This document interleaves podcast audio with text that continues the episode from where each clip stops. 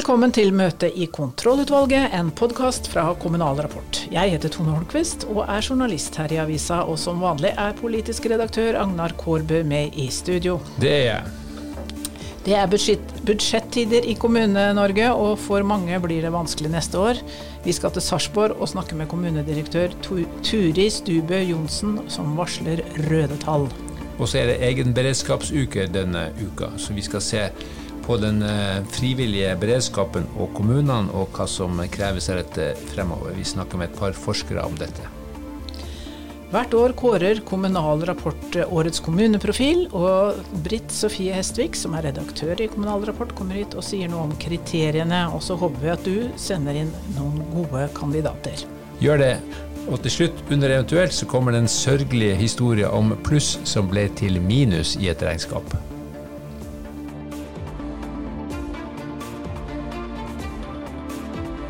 Det er eh, budsjettider, og det er også tid for å se hvordan inneværende år er blitt eh, økonomisk. Og da skal vi til eh, Sarpsborg kommune og til kommunedirektør Turid Stubø Johnsen. Og hvordan går det i Sarpsborg, Johnsen? Det er økonomisk eh, krevende tider her, det er ikke tvil om det. Vi har et eh, underskudd eh, i år på 90 millioner.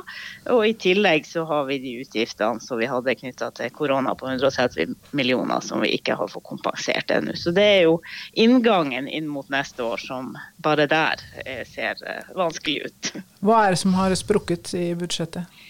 Eh, det er klart Vi har store ekstra strømutgifter. De er jo på eh, om lag 60 millioner. Og så er det den eh, kontinuerlige veksten i utgifter til både helsetjenester, til spesialpedagogikk, til den type, den type tjenester som har Og den har vokst nå år for år, rett og slett. Og det er jo derfor vi òg prøver å gjøre noen større grep nå for årene fremover. Hvis vi tar på oss de litt strenge kommuneøkonomibrillene, eh, er det noe av dette her som drives for dyrt, som dere kan jobbe litt mer effektivt? Ja, vi jakter på å finne de områdene hvor vi eh, kan drifte mer effektivt. Og vi har nå sammenligna oss eh, med en del andre kommuner på utvalgte tjenester for å se på nettopp hvilke områder det ser ut som at vi driver dyrere enn andre. Og, og, da, og hvilke er det?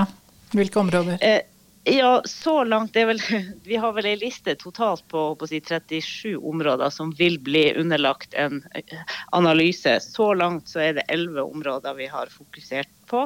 Både innenfor eh, helse, helseområdet, innenfor oppvekstområdet og også på en del administrative ting og, eh, som vi har sett på. Der kommer vi med forslag til tiltak når budsjettet legges frem på torsdag. Du legger, ja, du legger frem et budsjett nå eh, denne uka. Mm. Men hvis du ikke får alle, eller kommunen ikke får alle disse koronakompensasjonene, hvordan vil det påvirke situasjonen neste år? Er du urolig altså, for det? Eh, ja, altså situasjonen til neste år den blir knalltøff uansett. Og så blir den enda mer knalltøff hvis vi ikke får uh, dekket inn de koronakostnadene. Vi har i det prosjektet som vi har satt i gang som heter Bærekraft 2030, som er et Eh, hvor vi tenker å ha et lengre perspektiv på å dreie kommuneøkonomien på en mer bærekraftig økonomisk måte, så, så har vi et kortsiktig mål om å redusere tiltak eller redusere kostnadene med 100 millioner til neste år. Og da, da er det forutsatt at vi egentlig hadde gått i, i null ved, ved inngangen til 23. Og så har vi som mål på mellomlang sikt å kutte 50 millioner per år i perioden 24 til 28. Eh, så det er jo en eh, skikkelig hestekur det her, men vi ser vi er en lavinntektskommune. Vi har en befolkning som har eh, store som har, ja, trenger mye av våre tjenester. Og så ser vi at vi også driver dyrere enn andre kommuner. Og så har vi en del underfinansierte statlige reformer som slår eh, ut for oss. Og det her går ikke i hop på lang sikt. Nei. Hva gjør dette med organisasjonen å kjøre såpass eh, tøft løp? Eh, det er klart det vil bli tøffe, tøffe tider. Eh, og jeg regner med det vil jo både sikkert skape uro og frustrasjon og sikkert sorg og sinne eh, over en del av de eh, forslagene som kommer. Så vil det jo være politiske selvfølgelig prosesser på det, men vi ser at det er Skal vi klare med det utgangspunktet vi har, å gå så mye også ned i, i vårt budsjett, så er det kraftige eh, kutt og effektiviseringstiltak. Og også kanskje reduksjon i tjenestetilbudet. Og vi må nok òg utsette på en del viktige viktige investeringer. Så det, ja, det blir friskt det her, altså. Ikke tvil om det. Nei.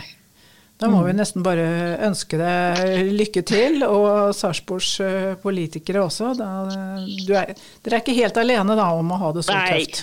Nei. Vi er ikke det. Og da har jeg ikke snakka om gebyrene på vann og avløp. De er jeg mange plasser som debatteres. Det kommer nok noe friskt der òg, tenker jeg. Så. Nettopp. Ja. Takk for det, Johnsen.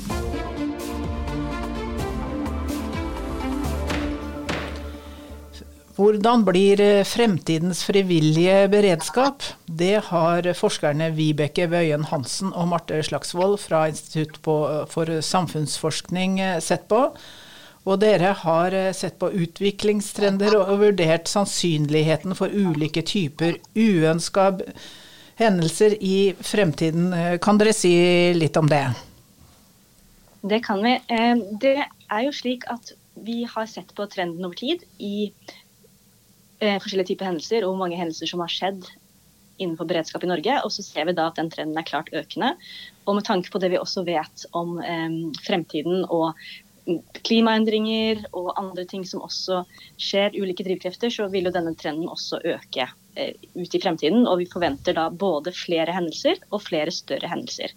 Og dette vil jo da få konsekvenser både for hvordan eh, frivillig innsatsen organiseres, men også da for kommunene. Hvordan vil det påvirke kommunene?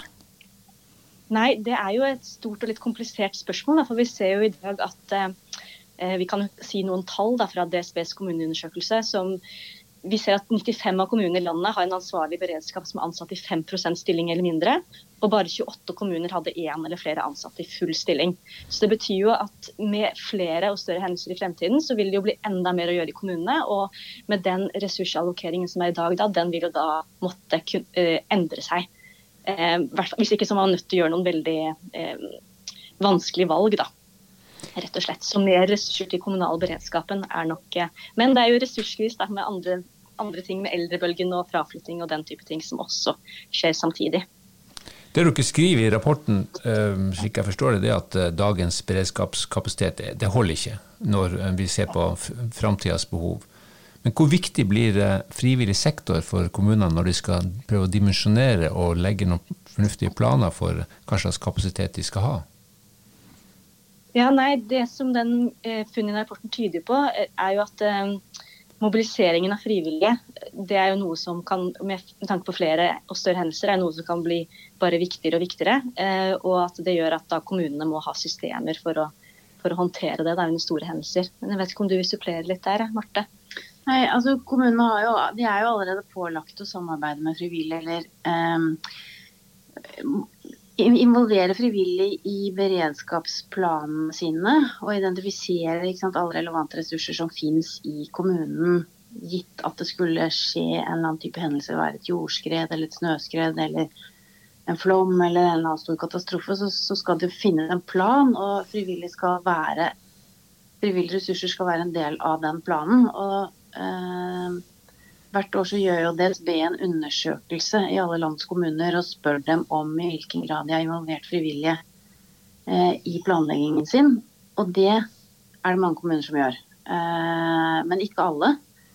Eh, så jeg tenker at gitt at eh, antallet alvorlige hendelser kommer til å øke som en konsekvens av klimaendringer, så blir det jo enda viktigere at Det er jo ikke sikkert man trenger noe nytt lovverk, men det kan jo være på en måte bare at kommunene må bli mer oppmerksom på at det er noe de er nødt til å gjøre for å være godt forberedt. Da.